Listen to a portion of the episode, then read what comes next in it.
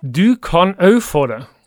Jenta som nå er min kone, hun var vettskremt. For hun hadde vært på møte og hørt tungetale for første gang i sitt liv. Og nå skulle storebror forklare hva dette merkelige fenomenet var.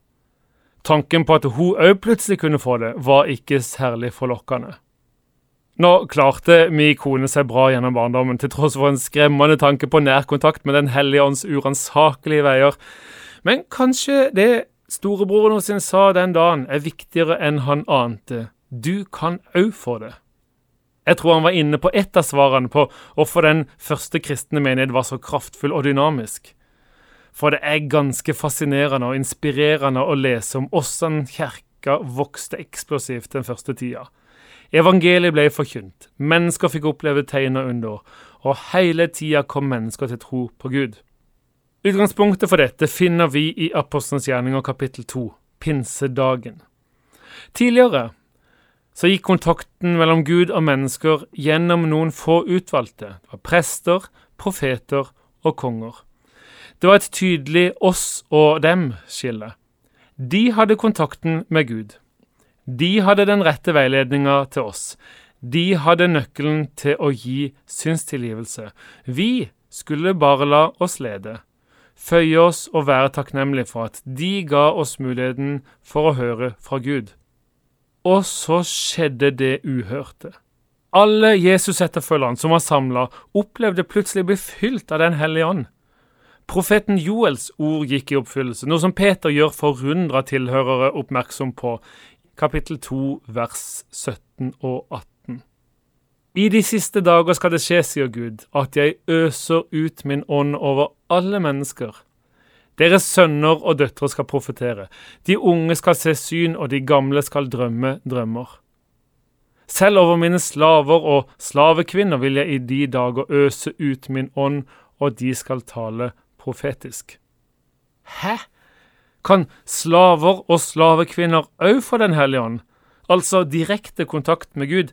De var uhørt. Det er som om tempelet, denne her statiske bygninga av stein, med den ene mellommannen, ypperste presten, blir brutalt revet ned. Og Gud forteller at nå er det ikke lenger i en bygning du kan finne Gud, heller ikke gjennom et spesielt salva menneske. I den nye tida, den nye pakt som han kalles, så er Jesus vår mellommann, og gjennom han tar Gud bolig i alle mennesker som åpner opp for ham. Uansett alder, kjønn, personlighet, rase osv. Det er utrolig radikalt. Og utrolig vanskelig for oss mennesker å forstå. For vi sklir fort tilbake til oss og dem. De som er vigslet til prestetjeneste, eller ansatt i kristent arbeid. Vi som bare er frivillige eller vanlige mennesker. De som står på scenen og lager et møte, og vi som sitter i salen og tar imot. De som er ledere og setter kursen, og vi som lar oss lede. De få som utfører masse for oss mange. Og så sier Paulus i Galaterbrevet, kapittel 3, vers 28, Her er ikke jøde eller greker. Her er ikke trell eller fri.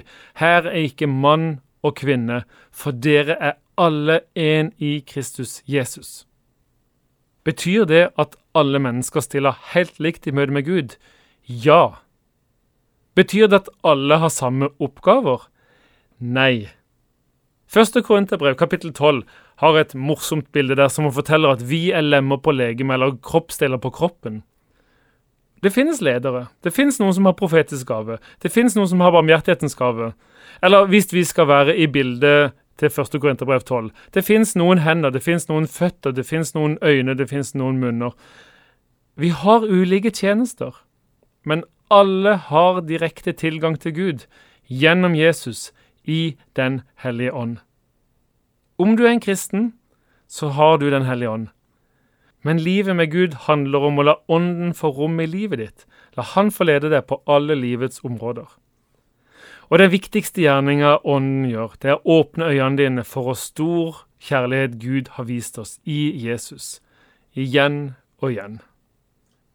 Og med det som grunnmur i livet, så vil han gi deg kraft så Guds rike kan vokse i ditt liv og gjennom ditt liv. Du kan òg få det, sa min svoger. I dag er det du som kan få det.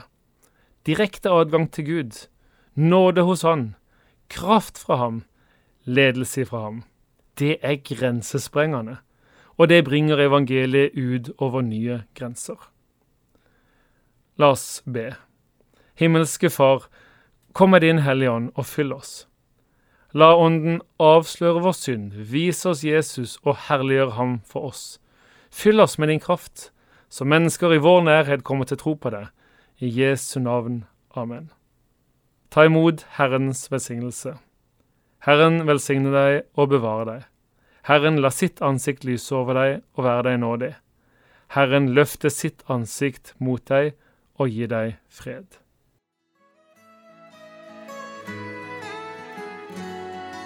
Du har lytta til Over en åpen bibel med Jarle Haugland. Serien produseres av Norea Mediemisjon og er et gjenhør fra 2019. Har du kommentarer eller spørsmål, så ta gjerne kontakt med oss. Du kan bruke e-postadressen postalfakrøllnorea.no, eller du kan sende oss en melding via Facebook. God sommer videre.